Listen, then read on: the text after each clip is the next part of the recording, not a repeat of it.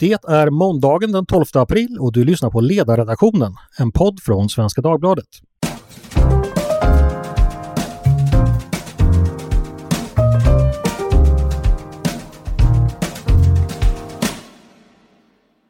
Varmt välkomna ska ni vara. Mitt namn är Andreas Eriksson och dagens ämne handlar om säkerhetspolitik.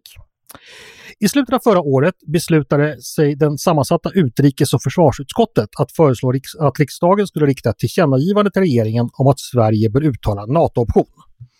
Det där är lite komplicerat, men vi ska ta det lite pö om pö ska ni snart förstå vad jag menar.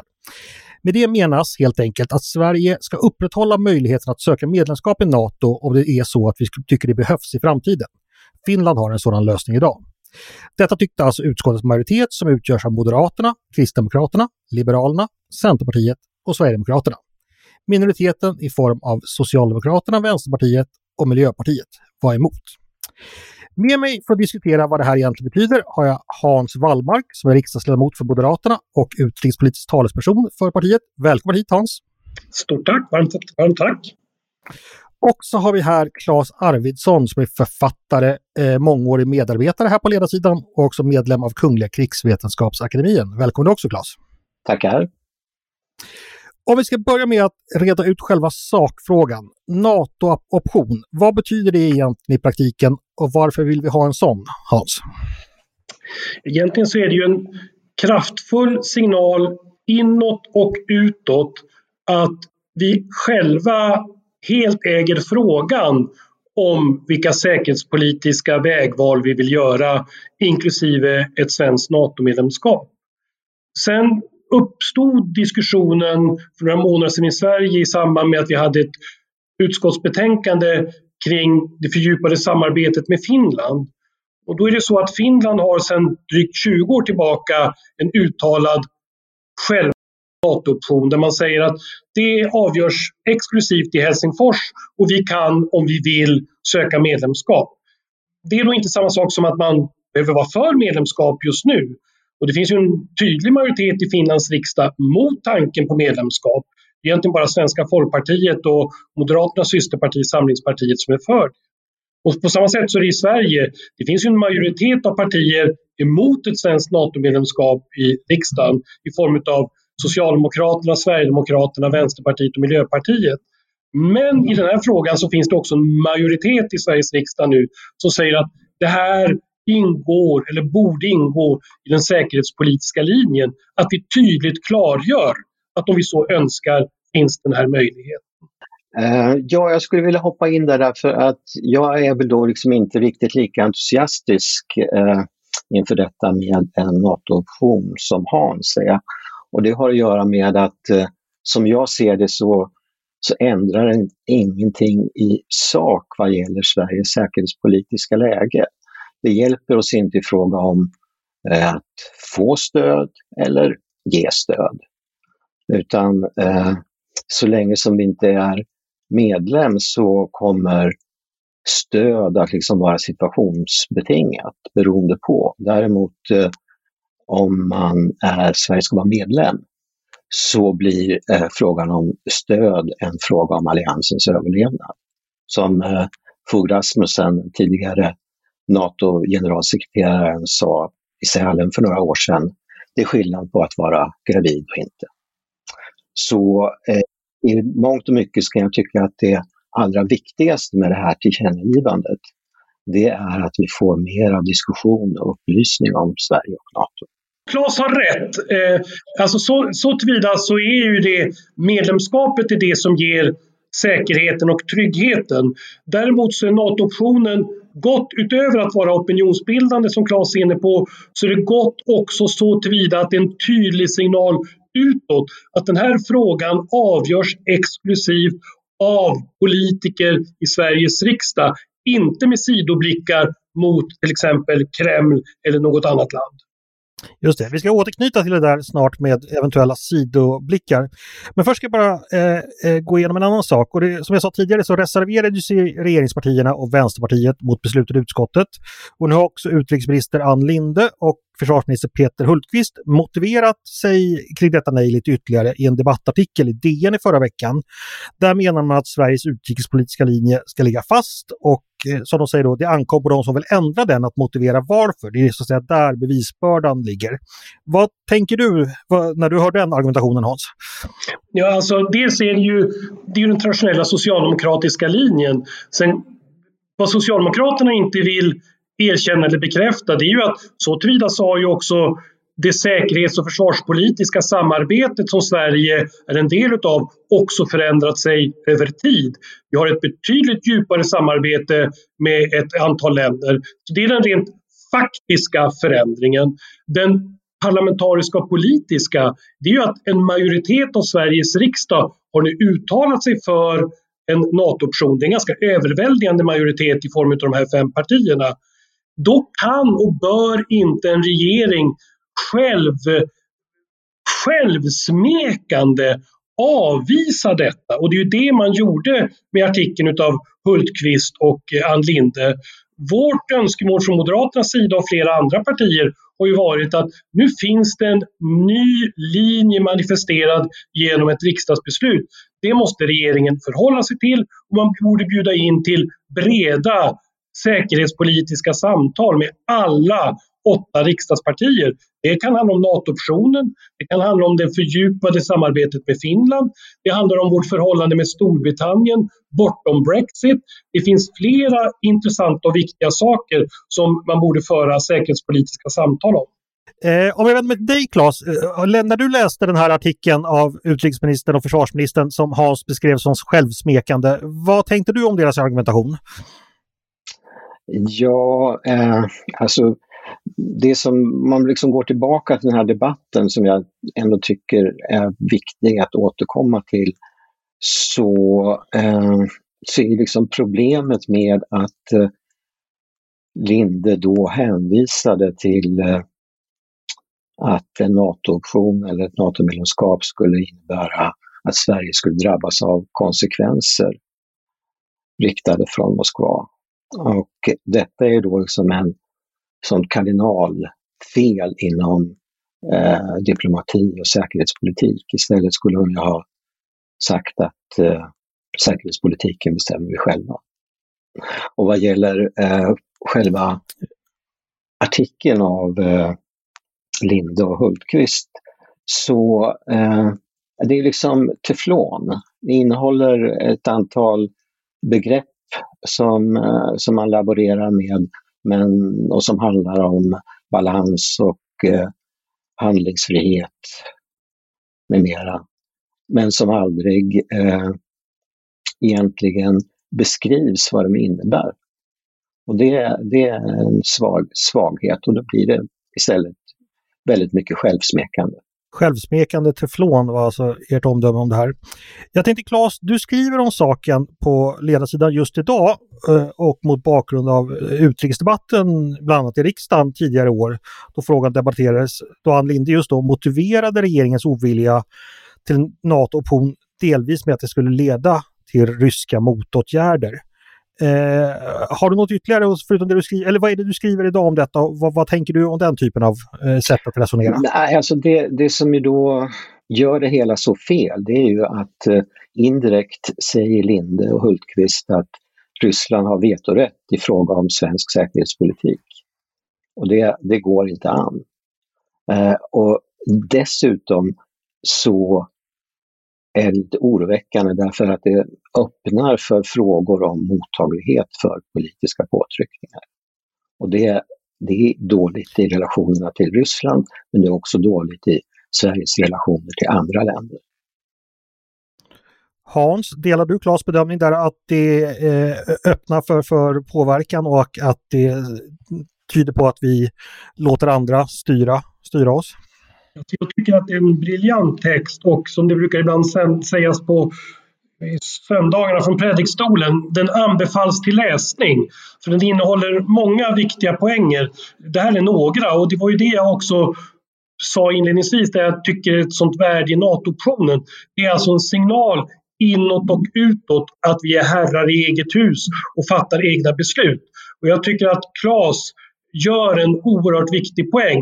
Jag har sett även andra göra det och till min glädje till exempel Vidar Andersson på Socialdemokratiska Folkbladet som också har eh, resonerat i likartade banor. Jag tror att det är väldigt väsentligt att eh, man från svenska tidningssidor uppmärksammar Socialdemokraterna själva på detta så som är gjort idag. Just det. Claes, du skriver också idag, du skriver också idag att NATO-debatten skulle må bra av om Linde och Hultqvist slutade tala i gåtor. Vad tänker du där på rent konkret? Ja, jag tänker då till exempel på eh, vad man menar med att eh, en NATO-option eller ett NATO-medlemskap skulle få eh, konsekvenser. Så vilka konsekvenser är det som som eh, Ryssland har hotat med. Eh, utan att, mm, eh, okay. utan att liksom veta det så kan man liksom inte väga det argumentet. Det kan ju också vara så att om vi får reda på vilka konsekvenserna är som man hotar med, så kan ju det i sig vara ett argument för att ja, då borde vi faktiskt skicka in en ansökan till NATO redan idag. Okej, okay, imorgon då. Då tänkte jag att vi kan gå vidare med nästa fråga. Eh, och då, det gäller då det här med de ryska motåtgärderna, att ni, ni blir upprörda över att man, man eh, tar upp dem till debatt på det här sättet. Men kan det trots allt inte finnas en poäng i det Hultqvist och Linde säger att ett svenskt NATO-medlemskap skulle ju kunna utlösa vissa ryska motåtgärder som man från svensk sida vi, vi skulle vilja undvika. Finns det inte någonstans en poäng i att ändå resonera så? Eh, hur tänker du Hans? Fast om man gör så, då bjuder man ju in till att eh, göra sig avhängig utav vad andra tycker och tänker. Jag tror att det är oerhört viktigt att klargöra att eh, vi svenskar är herrar i vårt eget hus och det är vi som själva fattar det beslutet. Eh, så att eh, jag tror att det, det är oerhört centralt att man klargör det. Sen är det naturligtvis så att det är väl ingen hemlighet, det har ju Säkerhetspolisen visat i bland sin ja, årsrapport och en del annat, att eh, det finns ett intresse, ganska stort intresse för, från rysk sida på hur man resonerar i Sverige och i någon mening också naturligtvis i, i, i Finland. Så jag tror att vi måste vara tydliga och kyliga och också klargöra att det är vi själva som, som fattar det här beslutet. Sen vill jag verkligen understryka det Claes sa för en stund sedan. Jag menar ju också att ett svenskt NATO-medlemskap bidrar till svensk säkerhet men också säkerhet i Östersjöregionen genom att det därmed blir bindande försvarsförpliktelser eh, och det tror jag vore bra för vårt land och det vore bra för de andra länderna i vårt närområde. Det här med NATO-option, vad är poängen med det jämfört med att, gå in, att inte gå med i NATO direkt? Vad är poängen att, så att säga, ha vad jag uppfattar som en mellanstation på väg mot, mot ett NATO-medlemskap? Det är ju, den enkla sanningen är att det finns parlamentariska majoriteter för två olika saker. Det finns alltså en parlamentarisk majoritet för närvarande i Sveriges riksdag mot ett svenskt NATO-medlemskap. Och det formeras av Socialdemokraterna, Sverigedemokraterna, Vänsterpartiet och Miljöpartiet. Eh, vi från de fyra övriga partierna menar ju att det vore i svensk säkerhet och Östersjösäkerhetens bästa eh, om vi blev medlemmar. Men eh, där fortgår ju och behövs ju då ett fortsatt eh, opinionsbildande arbete. Eh, och det är ju, medlemskapet i sig innebär bindande försvarsgarantier och, vilket ibland glöms bort i den svenska debatten, gemensam försvarsplanering, vilket är ganska centralt. Därför att eh, jag tror att eh, en konflikt bygger också på att man vet om hur de andra som ska bistå en eh, tänker. Sen är det ju så att utan ett medlemskap så kan man hoppas, vilja, önska, vädja om hjälp. Men du kan bara veta att du får hjälp som medlem. NATO-optionen å andra sidan, den har ju då fem partier bakom sig och har då en majoritet för i Sveriges riksdag för optionen. Och det är väl därför tycker jag bra att det är i alla fall ett, ett sätt att signalera om att vi har den svenska rådigheten. Det är Sverige självt som bestämmer vilket säkerhetspolitiskt vägval man vill göra. Än så länge så betyder det vägvalet att fyra partier är emot ett svenskt NATO-medlemskap. Men optionen i sig tycker jag är en anledning nog att för regeringen att bjuda in till breda säkerhetspolitiska samtal. Eh, om du får samma fråga Claes, vad tänker du? Optionen, du var ju tidigare lite kritisk mot, mot optionen, lät det som, för, i och med att det inte var ett fullt medlemskap. Men kan det inte finnas poäng igen då att ha den utifrån det Hans säger nu? Ja, det kan jag väl eh, hålla med om. Men det, det som är det viktigaste sett från mitt perspektiv med den här NATO-optionen, det är att det är en möjlighet att eh, vi talar om NATO och Sverige som vi gör idag. För det, det partiet som verkar stå med liksom fötterna på varsin sida om, om avgrunden så att säga, det är ju Sverigedemokraterna där man är, å ena sidan är emot medlemskap men för den här optionen. Hans, hur, hur ska man förstå, eller hur förstår du deras ställningstagande? Alltså, varje parti får ju vara uttolkare av sin egen linje. Jag kan möjligtvis ägna mig att försöka tolka den moderata linjen. Ehm, så återigen, det vet väl bara Sverigedemokraterna bäst. Eh, samtidigt om man tittar på olika opinionsmätningar så är ju generellt sett deras väljare mer NATO-positiva än vad deras partiledning är. Jag tycker i alla fall att det är ett eh, det är en bra förflyttning framåt i Sveriges riksdag att det nu ändå finns en ganska tydlig majoritet för NATO-optionen. Sen kommer jag att fortsätta, mitt parti, att driva opinion om varför det är i Sveriges och Östersjöregionens intresse att vårt land blev NATO-medlem. Jag kan ju också tycka att det är som säga, en svaghet i själva tillkännagivandet. Att eh, SD då inte är eh, för medlemskap och dessutom har åtminstone än så länge en föreställning om att eh, vi ska folkomrösta om om medlemskap i fråga om, om det blir aktuellt. Och det är jag inte någon stor beundrare av. Vad säger du om det Hans? Ja, jag, jag, är på den punkten tillräckligt pragmatisk att så tillvida när det gäller optionen så har det ju då funnits i drygt 20 år i Finland och omslutits även av partier som då inte just nu är för ett finländskt NATO-medlemskap. Men man har ändå markerat den rådigheten. Så, så tillvida så tycker jag att optionen är bra i sig. Även om Claes och jag är helt rörande överens om att medlemskapet är ju det som är det annorlunda, det är det som tillför och injicerar säkerhet. Just det. Eh, Claes, jag tänkte vända mig till dig igen. Nu råder det ju splittring i synen på eh, Sveriges framtida säkerhetspolitik. Historiskt har vi väl ändå varit ganska överens i den här frågan. Hur kommer det sig att vi inte är ense längre och vad betyder det för framtiden, tror du? Ja, alltså jag tror att eh, den där verklighetsbeskrivningen eh, kan man ha en del invändningar mot. Om man till exempel minns eh, de striderna om eh, säkerhetspolitiken på slutet på 1970-talet och eh, början på 1980-talet. Eh, där det verkligen var kraftfulla motsättningar kring den socialdemokratiska fredspolitiken och eh, även synen på de sovjetiska ubåtskränkningarna. Eh, så frågan om, om man liksom skulle kunna liksom komma ut ur eh, och hitta liksom ett, eh, en gemensam kärna mellan de här två eh, uppfattningarna för NATO-option mot NATO-option. Eh, jag tror i närtid så tror jag inte på att det blir någon sådan eh, möjlighet. Eh, alltså regeringen, det vore alldeles utmärkt om regeringen inbjöd till eh, förhandlingar och samtal kring detta men eh, dessvärre så tror jag att i, i närtid så, så, så kommer det att vara, kommer man att vara i sina respektive skyttegravar, om man uttrycker det så. Hans, vad säger du om den eh, profetian, att vi kommer fortsätta vara splittrade? Men, eh, och det är därför det kommer att krävas fortsatt opinionsbildning i själva den stora tunga sakfrågan, medlemskapet.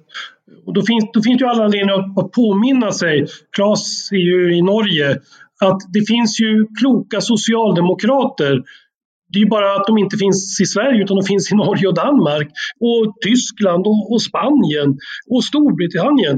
Därför att det som är grunden för säkerhetspolitik i länder som Norge och Danmark och Tyskland och Storbritannien och Spanien är att vara delar utav NATO. Så att det som är sanning hos socialdemokrater i resten av Europa, det är lögn hos de svenska socialdemokraterna. Dessutom är det ju så att vi framhäver eh, ju både från moderat och socialdemokratisk sida vikten av EU som den, vår naturliga eh, utrikespolitiska arena. Och då ska vi komma ihåg att utav EUs nuvarande 27 medlemsländer så är det bara sex som står utanför NATO. Eh, ungefär 10 procent utav alla EUs medborgare, om man räknar liksom de som bor i de 27 medlemsstaterna, är utanför NATO. 90 procent av EU idag är delar av NATO. Mm. Och samarbetet mellan EU och NATO bara ökar. Eh, hur tror ni, tror ni omvärlden, hur tror ni omvärlden uppfattar den svenska osäkerheten eller splittringen här? Vad tänker man i Washington och Moskva eller, eller Paris eller London eller Köpenhamn eller Oslo och Helsingfors för den delen om vad Sverige håller på med just nu? Vad säger du Claes? Ja, det är klart att man noterar det. Och vad får det för, kan det få för konsekvenser? Ja, att man eh, grubblar över Sverige och eh, kanske också liksom funderar över att det kan få möjliga konsekvenser vad gäller samarbetsvilja och sådär. Hans, vad tror du om omvärldens eh, tankar och reaktioner på, på svenska oenigheten? Så, så tillvida så har ju Sverige i aktiv handling de senaste decennierna, jag på att säga, visat att man vill fördjupa samarbetet. Vi har också den speciella relationen som vi har med NATO, partnerskapet. Eh, så att så tillvida så, så, så, visar man ju en, en vilja. Det man nog tycker är kuriöst i många av de här huvudstäderna du räknar upp, det är ju att om man är så nära, varför tar man då inte steget fullt ut? Och det är ju ärligt talat det jag oftast har svårast att försöka förklara för utländska kollegor. För att i många fall så uppfattar de ju som en, mycket nära och pålitlig partner till NATO. I vissa fall pålitligare än en del av de övriga medlemsstaterna. Och så säger de, men varför gör ni allt detta och ändå inte går med?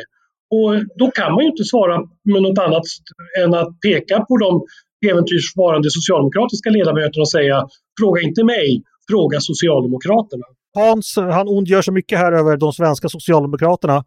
Vad är din analys av detta att eh, alliansfriheten är, är, så stark i just hos svenska socialdemokrater och att man därmed skiljer sig från sina partikamrater i andra delar av Europa? Jag vet att det finns en historia här förstås, men varför har man inte kunnat eller velat ompröva sig? Har du några tankar kring det? Ja, alltså det handlar väl dels om eh, identitet och eh, Eh, som ju då har, eh, har liksom en historisk botten och som också i väldigt hög grad eh, knyter an till det som Socialdemokraterna betraktar som en storhetsperiod, nämligen det som är då Palmeeran och den, den roll som, som Sverige då vill spela som ett land som stod mellan blocken. Och det där sitter, sitter ju också i, det kunde man ju märka då i samband med att Sverige inledde sin kandidatur för att bli eh, med i FNs säkerhetsråd. Där man då liksom gick ut med eh, som en slags huvud, huvudrefräng att eh, Sverige var ett oberoende land. Så det, det är väl liksom en eh, aspekt som är viktig att lyfta fram, identitet och ideologi. Samtidigt så, eh, så har man ju då från socialdemokratisk sida aldrig liksom velat tala om det dubbelspel som, som eh, Sverige och social, inklusive Socialdemokraterna spelade under det kalla kriget. Vi hade utomordentligt goda förbindelser med, med eh, olika NATO-länder och där eh, eh, framförallt USA då liksom var det den yttersta garanten för, för Sveriges säkerhet. Hans, hur ser det på, du på det? Historien från och det kalla krigets roll på, på dagens situation, hur stor roll spelar det? Nej, men, eh, jag tror också att det är en del i den, i den socialdemokratiska självbilden och det är därför det också är lite mer komplicerat med opinionsbildningen därför att det sitter inte så mycket i hjärnan som det sitter i hjärtat. Det är, det är förbundet med, med så mycket annat och därför blir det ju ett slags dogm eller en trosuppfattning snarare än någonting annat. Nu finns det väl små tecken, jag nämnde tidigare liksom Vidar Andersson och så, men eh, jag tror att man behöver fortsatt bedriva från oss som är övertygade om ett NATO-medlemskaps fördelar, måste bedriva ett konsekvent och kontinuerligt opinionsbildande arbete. Det som är det hoppfulla ändå, är att om man tittar på trenden över de senaste åren så kan man ju se i Sverige att det ökar kontinuerligt vad gäller svenskarnas uppslutning bakom tanken på ett medlemskap. Även om min bedömning är att det är fortfarande ungefär 40 procent för, 40 procent emot och så är 20 procent eh, har inte bestämt sig än. Vi får väl se då om den nya amerikanska administrationen kanske kommer kunna påverka opinionen. Det var ju ett argument de senaste fyra åren mot NATO-medlemskap att man inte ville binda sig för nära Trump och hans, hans regering i USA. Bra, då eh, är vår tid ute. Stort tack Claes och Hans för att ni kom och eh, ville med och prata om det här. Tack så mycket! Mm, tack själv! Stort tack! Och innan vi helt och hållet tackar för idag ska jag också passa på att tipsa om vår grannpodd på Svenska Dagbladet som heter Dagens Story, där du på en kvart varje dag får en fördjupning i ett aktuellt ämne. Ni har lyssnat på Ledarredaktionen, en podd från Svenska Dagbladet. Ni är varmt välkomna att höra av er till oss på redaktionen med tankar och synpunkter på det vi har diskuterat, eller om ni har idéer och förslag på saker vi ska ta upp i framtiden. Maila då oss på ledarsidan snabel svd.se. Därmed är det dags att sluta för idag. Producent har varit Jesper Sandström. Själv heter jag Andreas Eriksson. Jag hoppas att vi hörs igen snart.